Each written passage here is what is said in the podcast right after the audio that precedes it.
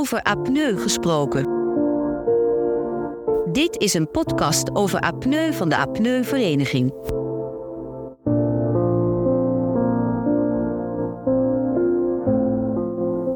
Er zijn op dit moment verschillende erkende behandelmethodes voor slaapapneu.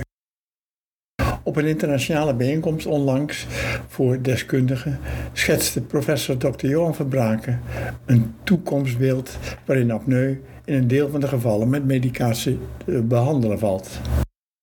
Een interessant onderwerp. Ik praat daarover nu met hem in deze podcast.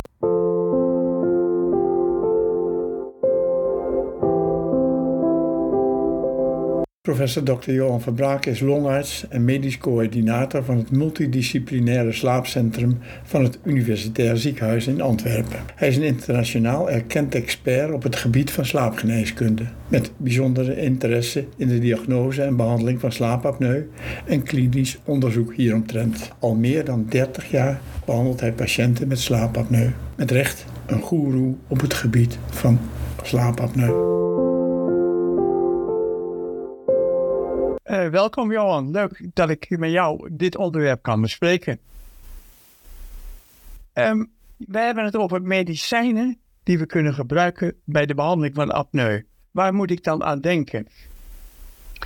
Wel, op dit ogenblik zijn er geen uh, medicamenteuze behandelingen voor slaapapneu, om de slaapapneu op zich te, te behandelen. Maar er zijn wel heel veel pogingen lopende om een geschikt medicijn te vinden of te ontwikkelen. Soms is het ook een zoektocht naar de meest werkzame dosis. En we zien dat daar uh, door vele bedrijven toch uh, ja, studies lopende zijn en, en dat men zoekt naar, naar die middelen, omdat het een grote markt is uiteraard.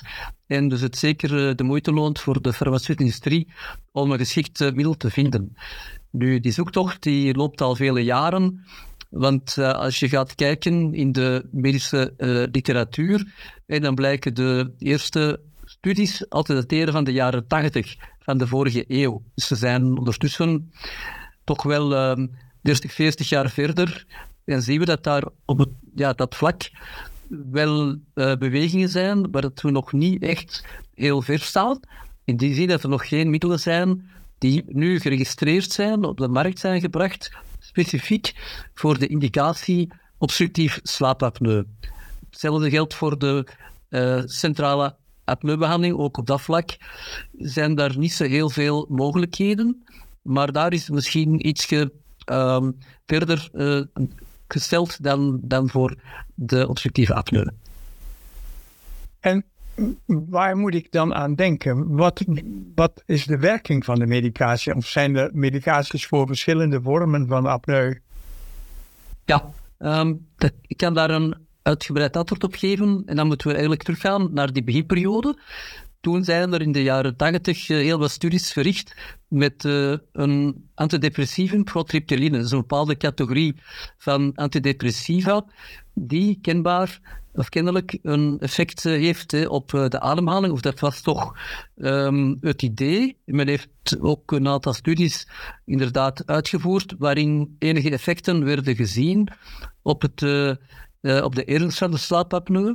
Uitgedrukt met de apnee-hypopnee-index, u gekend, de AHI. Maar uh, dat werd nadien toch in dubbelblinde studies tegengesproken. men heeft wel aangetoond dat die behandeling effect had op uh, klachten van slaperigheid. dus dat was al een eerste verbetering. Maar het middel werd niet zo goed verdragen. Het gaf onder andere veel uh, droge slijmvliezen en mondroom, uh, de meeste antidepressiva. Dus dat was geen echt groot succes. Een ander middel dat toen ook onderzocht is geweest en dat nog wel gebruikt wordt heden te dagen, is acetozolamide of ja, Tiamox, hè, als ik nu toch een merknaam mag noemen is een middel dat een uh, lichte vervuring geeft uh, van het bloed. Um, is al op de markt sinds de jaren 60 van de vorige eeuw. Werd toen op de markt gebracht als een plasmiddel, een eh, diureticum. Um, maar het werd zeer, zeer zwak. Um, en het is eigenlijk niet meer geïndiceerd uh, voor die indicatie. Wordt nog wel gebruikt bij mannen van hooggebergte ziekte. um, omdat daar ook vaak centrale apneus optreden. En het bleek ook dus op C-niveau uh, werkzaam te zijn, zowel voor obstructieve als centrale slaapapneu. Maar het werkt maar in ongeveer 1 of 2 patiënten, mits de slaapapneu niet te ernstig is. En het geeft ook wel wat bijwerkingen, vooral tintelingen in de vingers, ijlhoofdigheid, uh, soms toch wat plasneiging. Dus dat, op dat vlak uh, zijn er toch wel soms wat uh, ongemakken die niet altijd goed worden verdragen, maar ze zijn meestal van tijdelijke aard. En uh, het middel geeft verder geen ongewenste neveneffecten. Uh, het, het, is wel niet effectief op snurken, wat toch vaak een heel belangrijke klacht is bij mensen met slaapapneu. Dus in die zin is het een beetje ja, dubbel. Hè. Dus het werkt wel op de apneus in elk geval, maar dus veel minder of niet op het snurken zelf, hè, wat toch wel heel belangrijke klacht is. Dus dat was die beginperiode. Uh, dat waren slecht uitgevoerde studies, uh, vaak niet dubbelblind, hè, dus zonder placebo. En ze waren toch wel wat onzekerheden over de, reële werkzaamheid van die middelen. Ondertussen zijn er wel uh, nieuwe studies lopende rond uh, de behandeling met uh, zowel bij patiënten met obstructieve als centraal slaapapneu. Dus daar is er wel wat in beweging. Ook nieuwe varianten van diezelfde categorie medicijnen. Um, dus zoals Sultiane, hè, daarvan uh, is nu momenteel een heel grote studie lopende, internationaal, dubbelblind. Um, de, de pilot study met, uh, zonder placebo heeft toch aangetoond dat er ongeveer 30 à 40 procent reductie is in het aantal apneus. Um, nu, dat is misschien niet zo heel veel, maar anderzijds, ja, het effect is wel permanent aanwezig. Dus dat is natuurlijk iets helemaal anders als een CPAP, hè, die um, wel een grote reductie geeft van het aantal apneus, maar misschien niet heel de nacht opstaat. Hè. Dus dat um, is natuurlijk het voordeel van een medicijn, dat het continu werkzaam is. Uh, en dat er geen probleem is van uh, therapie trouw, tenzij het middel niet wordt ingenomen natuurlijk. Dat is uiteraard ook uh, dan een mogelijk nadeel van medicijnen. Hè. Dus dat is wat, wat er eigenlijk uh, momenteel met, uh, in die categorie van medicijn lopende is. Wat is er gebeurd na de jaren tachtig? Um, dan zijn de uh, de SSRI's op de markt gekomen. Dat zijn um, ook als de depressiva die op een andere manier werken dan die eerste categorie van antidepressiva. En meer werkt op het dopamine-systeem, op het systeem van het adrenaline, op andere targets in het brein, um, waaronder uh, Seroxat bijvoorbeeld, hè, dat is natuurlijk weer een merknaam. Dus daar heeft men uh, lang van gedacht dat het uh, werkzaam zou zijn. Er zijn wat pilots gedaan die zeer beloftevol waren, maar dan bleek toch, of bij proefdieren, hè, dat men daar zag, met dus, proefdiermodellen voor slaapapneu, dat men daar zag dat het uh, toch wel een duidelijke verbetering gaf van het aantal maar dan bij de mens bleek dat toch weer niet of uh, toch onvoldoende werkzaam te zijn. Dan zijn er ook weer pogingen gedaan door combinatiemiddelen, hè, combinaties van verschillende medicijnen toe te dienen.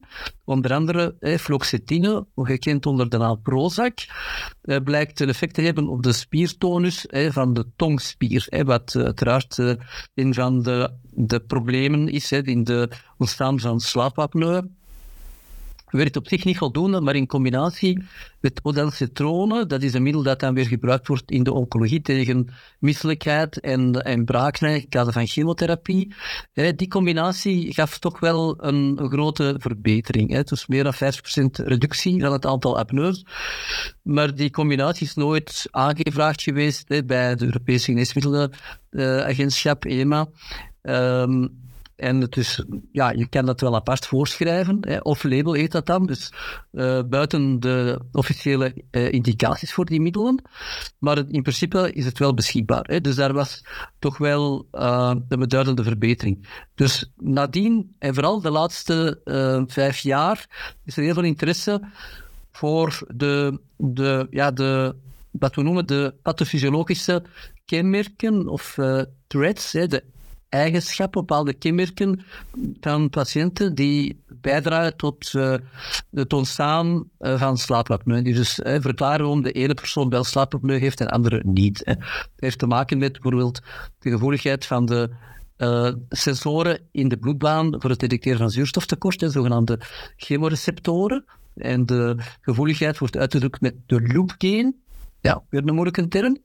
Dat geeft weer hoe instabiel het ademhalingscontrolesysteem is.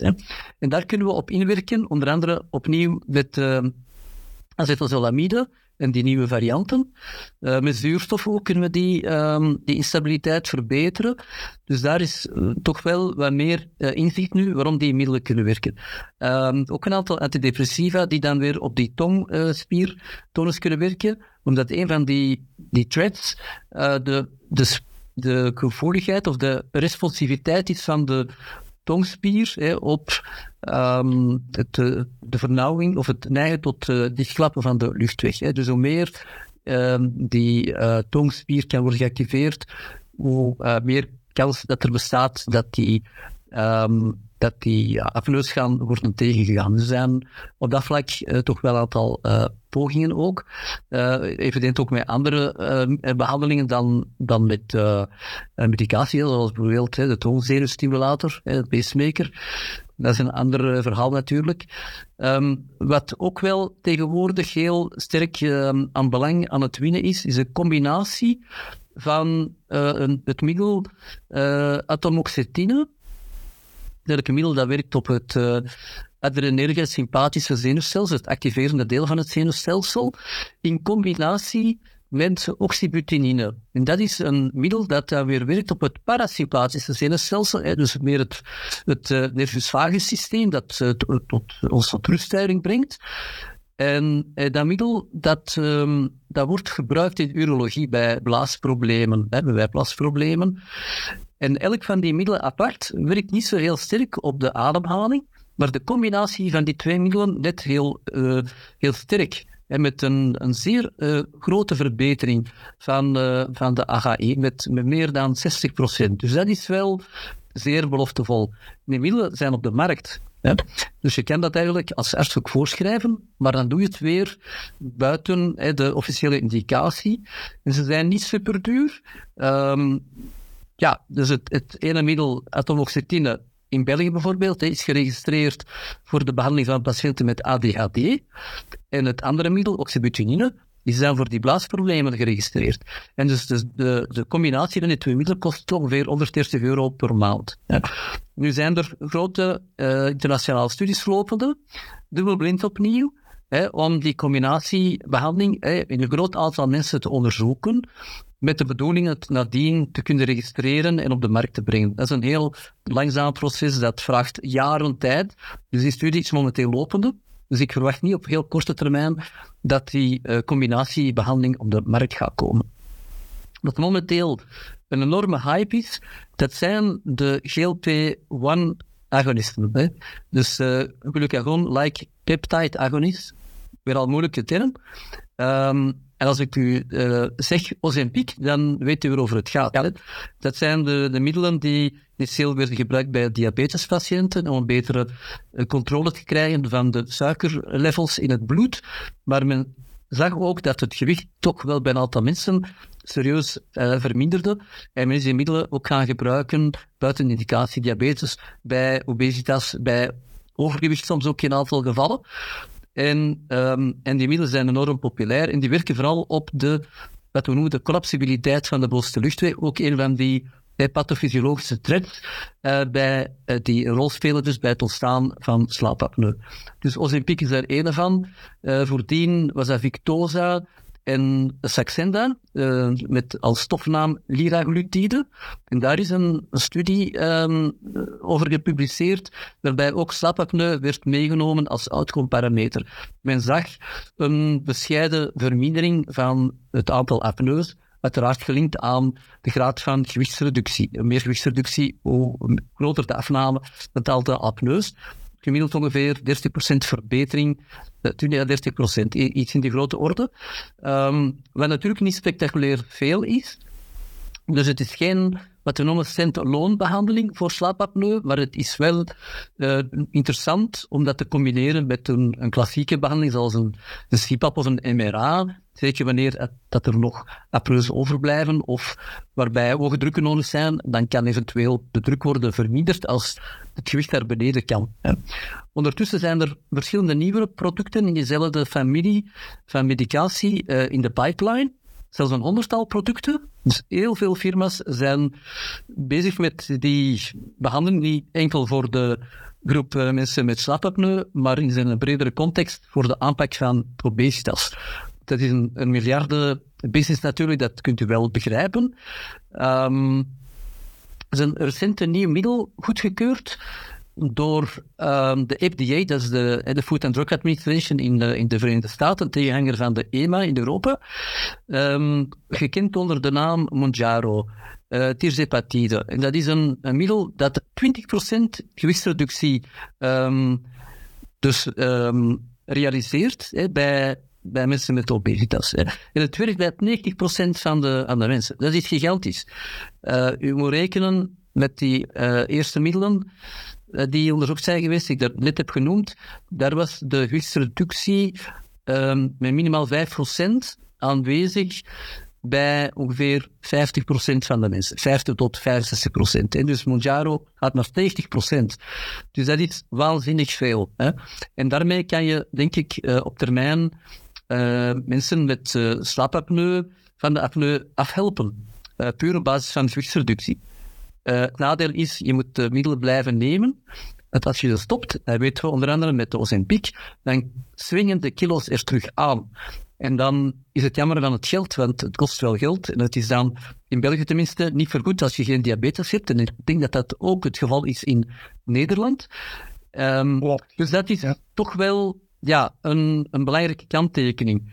Maar er zijn een aantal mensen die zeer tevreden zijn, hè, ook met de huidige middelen, als zij 10, 15 kilo kunnen afvallen hè, en zich daardoor ook een stuk beter gaan voelen. Hè. En het werkt bovendien op die bovenste luchtweg. Dus dat is een hele, hele uh, belangrijke uh, factor die we niet kunnen um, miskennen natuurlijk. Um, ja, wat zijn ook nog nieuwere recente ontwikkelingen? Dat is de symptomatische behandeling van slaapapneu. Dus niet zozeer om de apneu zelf te elimineren, maar wel om klachten van slaperigheid uh, te verminderen, die bij toch wel, toch wel vrij veel patiënten nog uh, aanwezig uh, blijven, ondanks goed gebruik van CPAP of MRA. En dan spreken we over twee belangrijke middelen die ondertussen al ge, ehm, uh, goedgekeurd zijn door, door zowel de FDA als de EMA. Dat is Pitolisant of Ozawade, en niet heel, heel zeker. Um, in, België is het niet beschikbaar. Um, in Nederland dacht ik wel via uh, speciale programma's. In België hebben we nog geen vergoeding voor de Pitolisant, maar er is wel een, een programma lopende, we noemen dat een Medical Need programma, medisch noodprogramma, voor patiënten die behoefte hebben aan het middel. En het middel wordt dan, eh, met goedkeuring door een verantwoordelijk arts, eh, gratis beschikbaar gesteld aan de patiënten voor een periode van drie maanden. En met uh, succesvol kan die uh, behandeling dan verlengd worden in afwachting van terugbetaling. Dus dat is wel de bedoeling dat het nadien um, dan via de klassieke uh, trajecten wordt geleverd aan, aan de patiënten met vergoeding dan uiteraard. Hè die, werken, die middelen werken wel bij een aantal mensen zeer goed. Hè. Dus dat is toch wel beloftevol, zeker wanneer die klassieke um, behandelingen op, geoptimaliseerd zijn. En patiënten toch, op welke reden dan ook, uh, slaperigheid blijven houden en er geen um, remedie uh, of geen kruid tegen gewassen is, dan um, kunnen we toch nog eh, met die middelen een stap verder gaan en mensen toch uh, een meer kwalitatief leven uh, geven. Dan misschien de laatste uh, categorie van middelen waar we toch ook denk ik meer en meer op gaan inzetten. Um, dat is het uh, behandelen uiteraard van comorbiditeiten hè, bij mensen met slaapapneu. Hè. Dus hoge bloeddruk gaan we behandelen bijvoorbeeld met een beta-blokker, dus bloeddrukverlagers. Er zijn vele categorieën van ehm, middelen om de bloeddruk te verlagen. Dus daar wordt ook wel meer onderzoek naar gedaan, te kijken wat is nu het beste middel hè, voor iemand met slaapapneu en, hoge bloeddruk.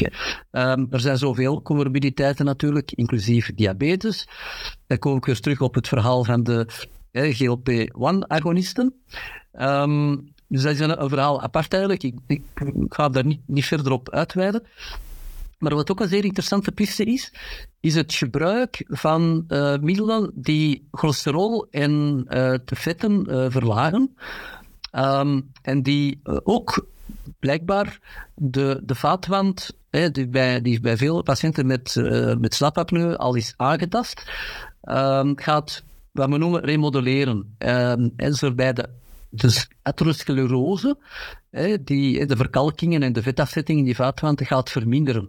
Waardoor het risicoprofiel op langere termijn dus belangrijke vernauwingen te ontwikkelen eh, en beroersten en dergelijke en hoge bloeddruk gaat tegengaan. Um, en zelfs zonder de cholesterol-levels uh, ten gronde te verminderen. Hè. Dus puur wat we noemen remodellering, hè, dus uh, door de structurele veranderingen aan te brengen in de vaatwand. Hè. En dat, uh, die veranderingen die kunnen al plaatsvinden in heel vroege fase, zonder dat die verkalkingen al zichtbaar zijn bij een klassieke uh, cardiologisch onderzoek. Hè, dus ook functionele verstoringen in die vaatwand, hè, um, of de dysfunctie van de endotheeldysfunctie dan van de vaatwand, kan met die middelen worden verbeterd. Hè. Dus dat is toch wel het kader van preventie zeer beloftevol. En we pleiten eigenlijk om uh, laagdrempelig uh, die middelen te gaan voorschrijven. Zeker als er al bepaalde problemen zich voordoen of waarbij al heel um, subklinische afwijkingen worden aangetoond in de vaatwand. Hè, bijvoorbeeld op basis van echografie van de halsvaten of toch op basis van een CT-scan van de coronaire waarbij nog geen echt relevante afwijkingen uh, zijn vastgesteld, kan je toch al uh, die middelen inzetten om te voorkomen dat die subtiele afwijkingen naar uh, reële uh, afwijkingen evolueren. Dat is een heel verhaal en het klinkt heel erg hoopvol.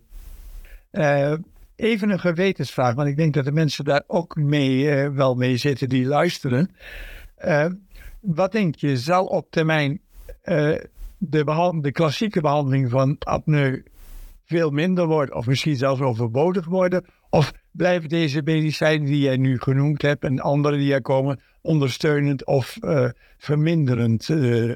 Ja, alles staat of valt denk ik met ja, de neveneffecten van de medicamenten. Dus mensen nemen doorgaans niet graag medicijnen. Dat is een, een vaststaand gegeven. Therapietrouw voor medicatie is uh, doorgaans wel rond de 60% Dus dat wil zeggen, uh, als je middelen dan het kader van slaapapneu niet neemt, ja, dan heb je natuurlijk ook minder goede effecten eh, op, op de klachten en op het, op het geheel van de problemen die voortvloeien uit de slaapapneu. Um, dus als natuurlijk de klachten sterk afnemen, dan kan het ook zijn dat mensen zeggen, ja, ik wil die klachten niet meer terug hebben. Dus wat natuurlijk dan therapietrouw versterkt. Dat is zoals met de CPAP. Mensen zeggen, ja, ik, als ik het de nacht niet gebruik, ben ik geradbraakt. Ja. Um, maar anderzijds, slaapapneu is toch wel een, een doorgaans mechanisch probleem, multifactorieel. Medicamenten werken doorgaans maar op één van die, van die opnieuw pathofysiologische threads, waardoor dat het uh, misschien toch niet zeer doeltreffend is voor de ganse populatie, en wel voor eh, zeer sterk geselecteerde patiënten, en dan noemen we dat gepersonaliseerde geneeskunde. Maar voor een gemiddelde patiënt denk ik dat die middelen bijvoorbeeld onvoldoende effect gaan hebben, onder andere op die hoofdklacht snurken. Uh, snurken is, is toch wel ja, voor bijna alle patiënten de hoofdklacht. Of dat is de aanleiding waarom dat men zich uh, wendt tot, uh, tot een gespecialiseerde arts om zich te laten onderzoeken en vervolgens te, te laten behandelen. Um, dus ja, wat heb je aan een verminderde AHI als het sturken uh, niet verdwenen is met, met die met de medicatie. Dus ik denk dat, dat, dat er een belangrijke plaats blijft voor de CPAP. Maar misschien in tweede orde, als mensen CPAP niet verdragen, of MRA niet verdragen, of ze hebben geen voldoende uh, tanden of gebied ehm, laat niet toe dat er een MRA wordt eh, aangemaakt, ja, dan is er wel een plaats hè, voor die alternatieven. Hè. En dan natuurlijk komen die middelen wel aanzetten. Hè. En, en voor een aantal mensen zal dat dan de oplossing zijn. En als het uh, toch niet voldoende verbetering geeft van de apneu-ernst, dan kunnen we eventueel nog een symptomatische behandeling uh, starten of, of toevoegen. Hè, combinatiebehandeling, daar hebben we het helemaal niet over gehad, of veel beperkt. Dus op, op dat vlak zijn er nog heel veel mogelijkheden.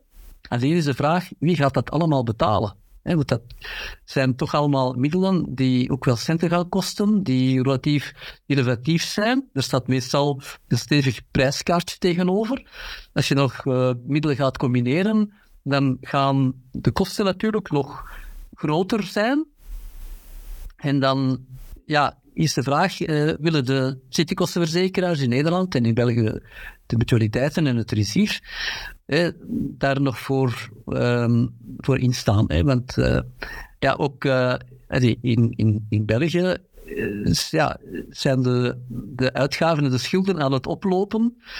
En ik vrees dat de portemonnee minder makkelijk gaat opengaan dan in het verleden. En dat is natuurlijk wel een belangrijke rem op innovatie en op de gepersonaliseerde geneeskunde, die toch wel helaas zijn prijskaartje geeft. Hè? Dat is een beetje een toekomstbeeld, heb ik het idee, die gepersonaliseerde geneeskunde. En ik ben blij dat je ons ook weer met, even met beide benen op de grond zet van, nou, er zit een prijskaartje aan. En natuurlijk helpt het en het ondersteunt, et cetera. Maar we moeten keuzes maken. Ik, ik, vond het heel verhelderend betoog. Uh, met een hele hoop moeilijke woorden die mensen snel vergeten, maar de lijn zit er wel in. Je kunt verschillende effecten, dus de aanpak van de dingen. Je kunt dingen ondersteunen, je kunt dingen verminderen. Het, het, het, het geeft wel hoop. Ik denk, ik zal er één ding willen toevoegen. Dus uh, ook een, categorie van een uh, pathofysiologische threat die nog niet is belicht. Dat is eigenlijk de wekbaarheid. Hè. Dus je hebt patiënten die heel snel wakker worden door een, een wekprikkel of door een zuurstoftekort. En anderen die trager of moeizamer wakker worden. En je kan dus die ontwaakdrempel beïnvloeden. Iemand die heel snel wakker is, die kan je bijvoorbeeld trazodone geven. Dat is iets dat ook heel veel gegeven wordt bij doorslaapproblemen of zelfs een klassiek slaapmiddel, om die uh, te onderdrukken. En dat heeft ook een, gunstig effect op het voorkomen van uh, slaapapneu. Hè. En dat is iets dat denk ik onvoldoende wordt gebruikt, wordt ingezet, omdat we natuurlijk een beetje uh, voorzichtig zijn en argwanend ten aanzien van die klassieke benzodiazepines, omdat die ook wel verslavende eigenschappen hebben en toch wel berucht zijn. Hè, dat we daar liever niet eigenlijk aan beginnen. We ontraden dat zelfs. Maar in het kader van slaapapneu is daar mogelijk toch wel een plaats voor. Nadeel van de trazodone is dan weer dat het uh, sterk kan nawerken. In die zin dat mensen dan nog slapers zijn overdag. Um, en bijkomend probleem, gewichtstoename dat heb je ook met die antidepressiva, bij alle antidepressiva, de gewichtstoename. En dat is dan weer een sterk ongewenst neveneffect omdat uh, uiteraard, ja, gewicht is uiteraard een, cruciale factor bij slaapapneu. Die wil vooral niet uh, te sterk laten toenemen, want dan zijn de, de, de, nadelen van de behandeling te groot versus de, de lusten. Hè. Dus het blijft een, een moeizame evenwichtsoefening, hè, een zoektocht echt naar het ideale middel. Hè. Het is echt uh, de hè, die we nog niet hebben uh, gevonden. En misschien, misschien vinden we die ook wel niet, maar moeten we met allerlei dingen samen de, de apneu te lijf gaan en de gevolgen van apneu beperken. Mag ik jou heel erg bedanken voor dit hele mooie, uh, ja, toch hoopvolle verhaal dat je ons gegeven hebt. Dit is het einde van deze podcast. U aangeboden door de Apneuvereniging. Meer informatie over dit onderwerp en andere onderwerpen vindt u op onze website www.apneuvereniging.nl.